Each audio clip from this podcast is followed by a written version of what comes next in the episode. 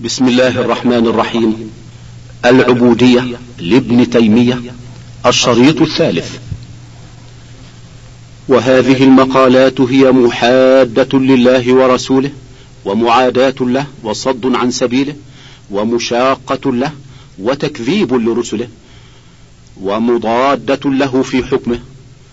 وإن كان من يقول هذه المقالات قد يجهل ذلك ويعتقد أن هذا الذي هو عليه هو طريق الرسول وطريق أولياء الله المحققين فهو في ذلك بمنزلة من يعتقد أن الصلاة لا تجب عليه لاستغنائه عنها بما حصل له من الأحوال القلبية أو أن الخمر حلال له لكونه من الخواص الذين لا يضرهم شرب الخمر أو أن الفاحشة حلال له لأنه صار كالبحر لا تكدره الذنوب ونحو ذلك. ولا ريب أن المشركين الذين كذبوا الرسول يترددون بين البدعة المخالفة لشرع الله وبين الاحتجاج بالقدر على مخالفة أمر الله.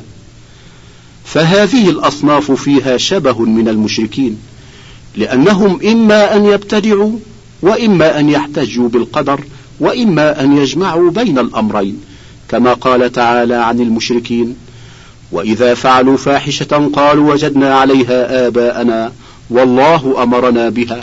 قل إن الله لا يأمر بالفحشاء. أتقولون على الله ما لا تعلمون؟ وكما قال تعالى عنهم سيقول الذين أشركوا لو شاء الله ما أشركنا ولا آباؤنا ولا حرمنا من شيء.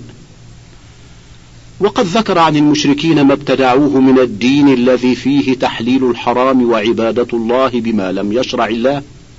في مثل قوله تعالى وقالوا هذه أنعام وحرث حجر لا يطعمها إلا من نشاء بزعمهم وأنعام حرمت ظهورها وأنعام لا يذكرون اسم الله عليها افتراء عليه إلى آخر السورة. وكذلك في سورة الأعراف في قوله يا بني آدم لا يفتننكم الشيطان كما أخرج أبويكم من الجنة. إلى قوله وإذا فعلوا فاحشة قالوا وجدنا عليها آباءنا والله أمرنا بها. قل إن الله لا يأمر بالفحشاء. أتقولون على الله ما لا تعلمون؟ قل أمر ربي بالقسط وأقيموا وجوهكم عند كل مسجد. إلى قوله وكلوا واشربوا ولا تسرفوا إنه لا يحب المسرفين. قل من حرم زينة الله التي أخرج لعباده والطيبات من الرزق؟ إلى قوله قل إنما حرم ربي الفواحش ما ظهر منها وما بطن والإثم والبغي بغير الحق وأن تشركوا بالله ما لم ينزل به سلطانا وأن تقولوا على الله ما لا تعلمون. وهؤلاء قد يسمون ما أحدثوه من البدع حقيقة كما يسمون ما يشهدون من القدر حقيقة. وطريق الحقيقة عندهم هو السلوك الذي لا يتقيد صاحبه بأمر الشارع ونهيه ولكن بما يراه ويذوقه ويجده في قلبه مع ما فيه من غفلة عن الله جل وعلا ونحو ذلك. وهؤلاء لا يحتجون بالقدر مطلقا بل عمدتهم اتباع آرائهم وأهوائهم وجعلهم ما يرونه وما يهوونه حقيقة ويأمرون باتباعها دون اتباع أمر الله ورسوله نظير بدع أهل الكلام من الجهمية وغيرهم الذين يجعلون ما ابتدعوه من الأقوال المخالفة للكتاب والسنة حقائق عقلية يجب اعتقادها دون ما دلت عليه السمعيات. ثم الكتاب والسنة إما أن يحرفوا القول فيهما عن مواضعه وإما أن يعرضوا عنه بالكلية فلا يتدبرونه ولا يعقلونه بل يقولون نفوض معناه إلى الله مع اعتقادهم نقيض مدلوله. وإذا حقق على هؤلاء ما يزعمونه من العقليات المخالفة للكتاب والسنة وجدت جهليات واعتقادات فاسدة. وكذلك أولئك إذا حقق عليهم ما يزعمونه من حقائق أولياء الله المخالفة للكتاب والسنة وجدت من الأهواء التي يتبعها أعداء الله لا أولياؤه. وأصل ضلال من ضل هو بتقديم قياسه على النص المنزل من عند الله. وتقديم اتباع الهوى على اتباع أمر الله. فإن الذوق والوجد ونحو ذلك هو بحسب ما يحبه العبد ويهواه. فكل محب له ذوق ووجد بحسب محبته وهواه. فأهل الإيمان لهم من الذوق والوجد مثل ما بينه النبي صلى الله عليه وسلم بقوله في الحديث الصحيح ثلاث من كن فيه وجد حلاوة الإيمان. من كان الله ورسوله أحب إليه مما سواهما. ومن كان يحب المرء لا يحبه إلا لله. ومن كان يكره أن يرجع في الكفر بعد أن أنقذه الله منه كما يكره أن يلقى في النار. وقال صلى الله عليه وسلم في الحديث الصحيح ذاق طعم الإيمان من رضي بالله ربا وبالإسلام دينا وبمحمد نبيا وأما أهل الكفر والبدع والشهوات فكل بحسبه. قيل لسفيان بن عيينة ما بال أهل الأهواء لهم محبة شديدة لأهوائهم. فقال أنسيت قوله تعالى وأشربوا في قلوبهم العجل بكفرهم أو نحو هذا من الكلام. فعباد الأصنام يحبون آلهتهم كما قال تعالى ومن الناس من يتخذ من دون الله أندادا يحبونهم كحب الله والذين آمنوا أشد حبا لله. وقال فإن لم يستجيبوا لك فاعلم أنما يتبعون أهواءهم ومن أضل ممن اتبع هواه بغير هدى من الله. وقال إن يتبعون إلا الظن وما تهوى الأنفس ولقد جاءهم من ربهم الهدى. ولهذا يميل هؤلاء ويغرمون بسماع الشعر والأصوات التي تهيج المحبة المطلقة. التي لا تختص بأهل الإيمان بل يشترك فيها محب الرحمن ومحب الأوثان ومحب الصلبان ومحب الأوطان ومحب الإخوان ومحب المردان ومحب النسوان. وهؤلاء الذين يتبعون أذواقهم ومواجيدهم من غير اعتبار لذلك بالكتاب والسنة وما كان عليه سلف الأمة. فالمخالف لما بعث الله به رسوله من عبادته وحده وطاعته وطاعة رسوله لا يكون متبعا لدين شرعه الله أبدا كما قال تعالى ثم جعلناك على شريعة من الأمر فاتبعها ولا تتبع أهواء الذين لا يعلمون إنهم لن يغنوا عنك من الله شيئا وإن الظالمين بعضهم أولياء بعض والله ولي المتقين. بل يكون متبعا لهواه بغير هدى من الله. قال تعالى أم لهم شركاء شرعوا لهم من الدين ما لم يأذن به الله. وهم في ذلك تارة يكونون على بدعة يسمونها حقيقة يقدمونها على ما شرعه الله. وتارة يحتجون بالقدر الكوني على الشريعة كما أخبر الله به عن المشركين كما تقدم. ومن هؤلاء طائفة هم أعلاهم عندهم قدرا وهم مستمسكون بما اختاروا بهواهم من الدين في أداء الفرائض المشهورة واجتناب المحرمات المشهورة لكن يضلون بترك ما أمروا به من الأسباب التي هي عبادة. ظانين أن العارف إذا شهد القدر أعرض عن ذلك. مثل من يجعل التوكل منهم أو الدعاء منهم ونحو ذلك من مقامات العامة دون الخاصة بناء على أن من شهد القدر علم أن ما قدر سيكون فلا حاجة إلى ذلك. وهذا ضلال مبين. فإن الله قدر الأشياء بأسبابها كما قدر السعادة والشقاوة بأسبابهما. كما قال النبي صلى الله عليه وسلم إن الله خلق للجنة أهلا. خلقها لهم وهم في أصلاب آبائهم وبعمل أهل الجنة يعملون. وخلق للنار أهلا. خلقها لهم وهم في أصلاب آبائهم. وبعمل أهل النار يعملون. وكما قال النبي صلى الله عليه وسلم لما أخبرهم بأن الله كتب المقادير فقالوا يا رسول الله أفلا ندع العمل ونتكل على الكتاب؟ فقال لا اعملوا فكل ميسر لما خلق له. أما من كان من أهل السعادة فسييسر لعمل أهل السعادة. وأما من كان من أهل الشقاوة فسييسر لعمل أهل الشقاوة.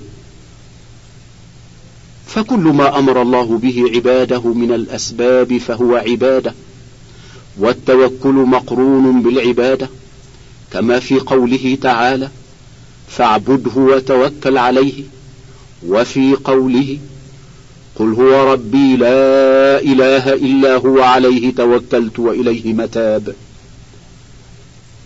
وقول شعيب عليه السلام عليه توكلت وإليه أنيب. ومنهم طائفة قد تترك المستحبات من الأعمال دون الواجبات فتنقص بقدر ذلك. ومنهم طائفة يغترون بما يحصل لهم من خرق عادة مثل مكاشفة أو استجابة دعوة مخالفة للعادة ونحو ذلك. فيشتغل أحدهم بهذه الأمور عما أمر به من العبادة والشكر ونحو ذلك. فهذه الأمور ونحوها كثيرا ما تعرض لأهل السلوك والتوجه وإنما ينجو العبد منها بملازمة أمر الله الذي بعث به رسوله في كل وقت. كما قال الزهري كان من مضى من سلفنا يقولون الاعتصام بالسنة نجاة. وذلك أن السنة كما قال مالك رحمه الله مثل سفينة نوح من ركبها نجا ومن تخلف عنها غرق والعبادة والطاعة والاستقامة ولزوم الصراط المستقيم ونحو ذلك من الأسماء مقصودها واحد ولها أصلان. أحدهما ألا يعبد إلا الله. الثاني ألا يعبده إلا بما أمر وشرع. لا يعبده بغير ذلك من الأهواء والظنون والبدع. قال تعالى فمن كان يرجو لقاء ربه فليعمل عملا صالحا ولا يشرك بعبادة ربه أحدا. وقال تعالى بلى من أسلم وجهه لله وهو محسن فله أجره عند ربه ولا خوف عليهم ولا هم يحزنون. وقال تعالى ومن أحسن دينا ممن أسلم وجهه لله وهو محسن واتبع ملة إبراهيم حنيفا واتخذ الله إبراهيم خليلا. فالعمل الصالح هو الإحسان وهو فعل الحسنات والحسنات هي ما أحبه الله ورسوله وهو ما أمر به أمر إيجاب أو استحباب. فما كان من البدع في الدين التي ليست في الكتاب ولا في صحيح السنة فإنها وإن قالها من قالها وعمل بها من عمل ليست مشروعة فإن الله لا يحبها ولا رسوله فلا تكون من الحسنات ولا من العمل الصالح. كما أن من يعمل ما لا يجوز كالفواحش والظلم ليس من الحسنات ولا من العمل الصالح. وأما قوله ولا يشرك بعبادة ربه أحدا وقوله أسلم وجهه لله فهو إخلاص الدين لله وحده. وكان عمر بن الخطاب يقول اللهم اجعل عملي كله صالحا واجعله لوجهك خالصا ولا تجعل لأحد فيه شيئا. وقال الفضيل بن عياض في قوله تعالى ليبلوكم أيكم أحسن عملا. قال أخلصه وأصوبه. قالوا يا أبا علي ما أخلصه وأصوبه؟ قال إن العمل إذا كان خالصا ولم يكن صوابا لم يقبل. وإذا كان صوابا ولم يكن خالصا لم يقبل حتى يكون خالصا صوابا. والخالص أن يكون لله والصواب أن يكون على السنة. فإن قيل فإذا كان جميع ما يحبه الله داخلا في اسم العبادة فلماذا عطف عليها غيرها؟ كقوله في فاتحة الكتاب إياك نعبد وإياك نستعين وقوله لنبيه فاعبده وتوكل عليه وقول نوح اعبدوا الله واتقوه وأطيعون وكذلك قول غيره من الرسل. قيل هذا له نظائر كما في قوله إن الصلاة تنهى عن الفحشاء والمنكر والفحشاء من المنكر وكذلك قوله إن الله يأمر بالعدل والإحسان وإيتاء ذي القربى وينهى عن الفحشاء والمنكر والبغي. وإيتاء ذي القربى هو من العدل والإحسان كما أن الفحشاء والبغي من المنكر. وكذلك قوله والذين يمسكون بالكتاب وأقاموا الصلاة وإقامة الصلاة من أعظم التمسك بالكتاب. وكذلك قوله عن أنبيائه إنهم كانوا يسارعون في الخيرات ويدعوننا رغبا ورهبا ودعاؤهم رغبا ورهبا من الخيرات وأمثال ذلك في القرآن كثير وهذا الباب يكون تارة مع كون أحدهما بعض الآخر فيعطف عليه تخصيصا له بالذكر لكونه مطلوبا بالمعنى العام والمعنى الخاص. وتارة تتنوع دلالة الاسم بحال الانفراد والاقتران. فإذا أفرد عم وإذا قرن بغيره خص كاسم الفقير والمسكين. لما أفرد أحدهما في مثل قوله للفقراء الذين أحصروا في سبيل الله وقوله أو إطعام عشرة مساكين دخل فيه الآخر.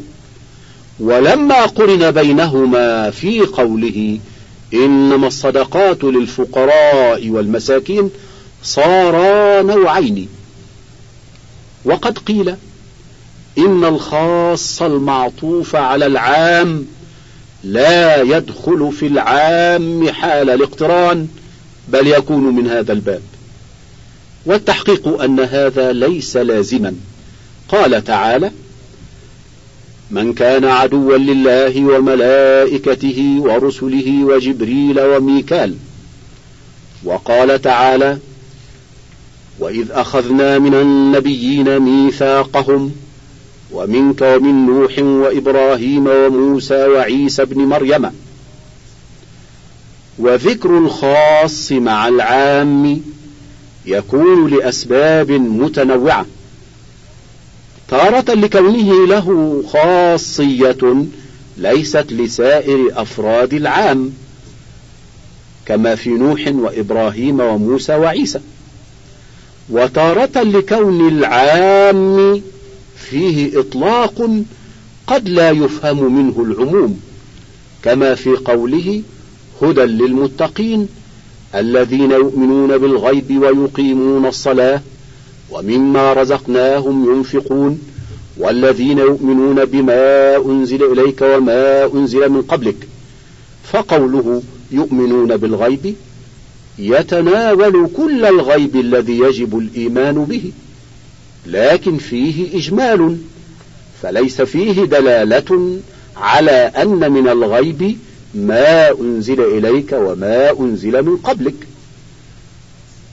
وقد يكون المقصود أنهم يؤمنون بالمخبر به وهو الغيب وبالإخبار بالغيب وهو ما أنزل إليك وما أنزل من قبلك. ومن هذا الباب قوله تعالى اتل ما أوحي إليك من الكتاب وأقم الصلاة وقوله والذين يمسكون بالكتاب وأقاموا الصلاة. وتلاوة الكتاب هي اتباعه والعمل به كما قال ابن مسعود في قوله تعالى الذين آتيناهم الكتاب يتلونه حق تلاوته. قال يحلون حلاله ويحرمون حرامه ويؤمنون بمتشابهه ويعملون بمحكمه فاتباع الكتاب يتناول الصلاة وغيرها لكن خصها بالذكر لمزيتها.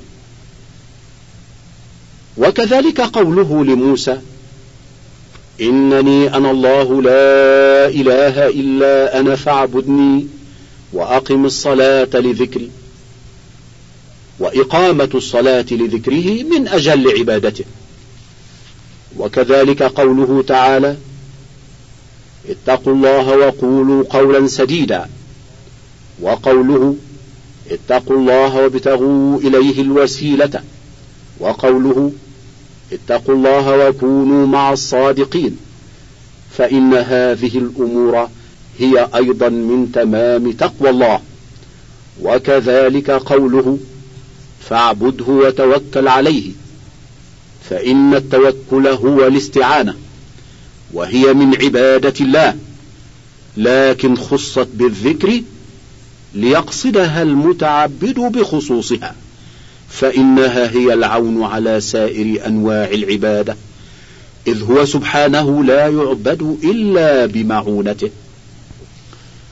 إذا تبين هذا فكمال المخلوق في تحقيق عبوديته لله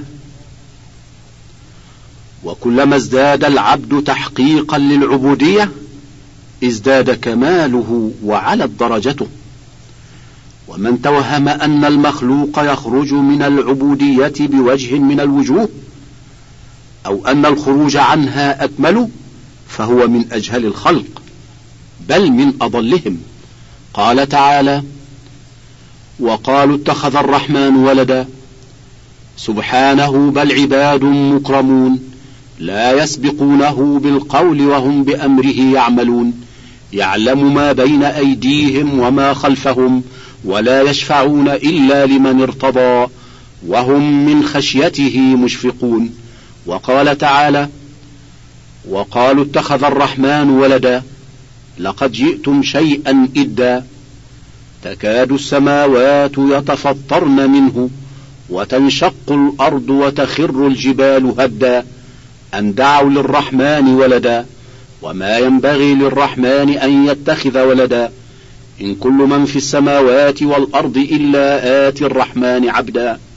لقد أحصاهم وعدهم عدا وكلهم آتيه يوم القيامة فردا. وقال تعالى في المسيح إن هو إلا عبد أنعمنا عليه وجعلناه مثلا لبني إسرائيل. وقال تعالى وله من في السماوات والأرض ومن عنده لا يستكبرون عن عبادته ولا يستحسرون يسبحون الليل والنهار لا يفترون.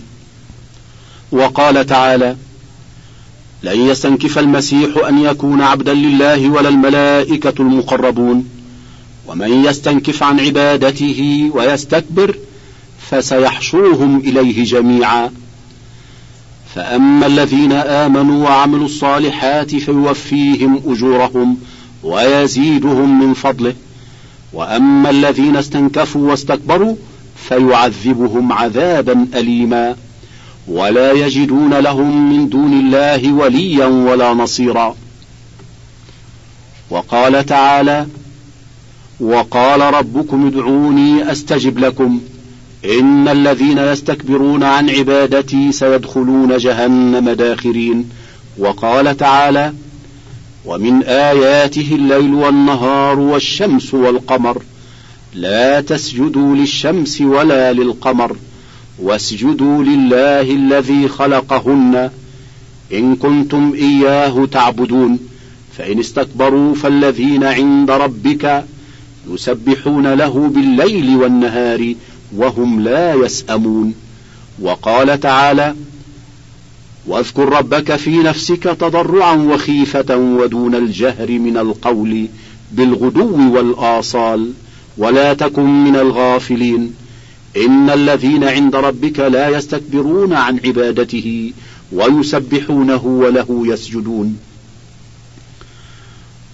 وهذا ونحوه. مما فيه وصف أكابر الخلق بالعبادة وذم من خرج عن ذلك متعدد في القرآن. وقد أخبر أنه أرسل جميع الرسل بذلك. فقال تعالى وما أرسلنا من قبلك من رسول إلا نوحي إليه أنه لا إله إلا أنا فاعبدون وقال ولقد بعثنا في كل أمة رسولا أن اعبدوا الله واجتنبوا الطاغوت. وقال تعالى لبني إسرائيل يا عبادي الذين آمنوا إن أرضي واسعة فإياي فاعبدون وإياي فاتقون. وقال يا أيها الناس اعبدوا ربكم الذي خلقكم والذين من قبلكم لعلكم تتقون. وقال وما خلقت الجن والإنس إلا ليعبدون وقال تعالى قل إني أمرت أن أعبد الله مخلصا له الدين وأمرت لأن أكون أول المسلمين قل إني أخاف إن عصيت ربي عذاب يوم عظيم قل الله أعبد مخلصا له ديني فاعبدوا ما شئتم من دونه وكل رسول من الرسل افتتح دعوته بالدعاء إلى عبادة الله كقول نوح ومن بعده عليهم السلام في سورة الشعراء وغيرها اعبدوا الله ما لكم من إله غيره وفي المسند عن ابن عمر عن النبي صلى الله عليه وسلم أنه قال بعثت بالسيف بين يدي الساعة حتى يعبد الله وحده لا شريك له وجعل رزقي تحت ظل رمحي وجعل الذلة والصغار على من خالف أمري.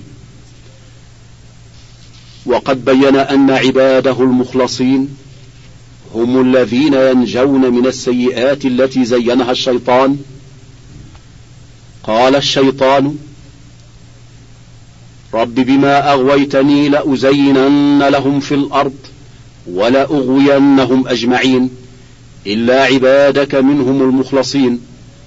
قال تعالى هذا صراط علي مستقيم. إن عبادي ليس لك عليهم سلطان إلا من اتبعك من الغاوين. وقال فبعزتك لأغوينهم أجمعين. إلا عبادك منهم المخلصين.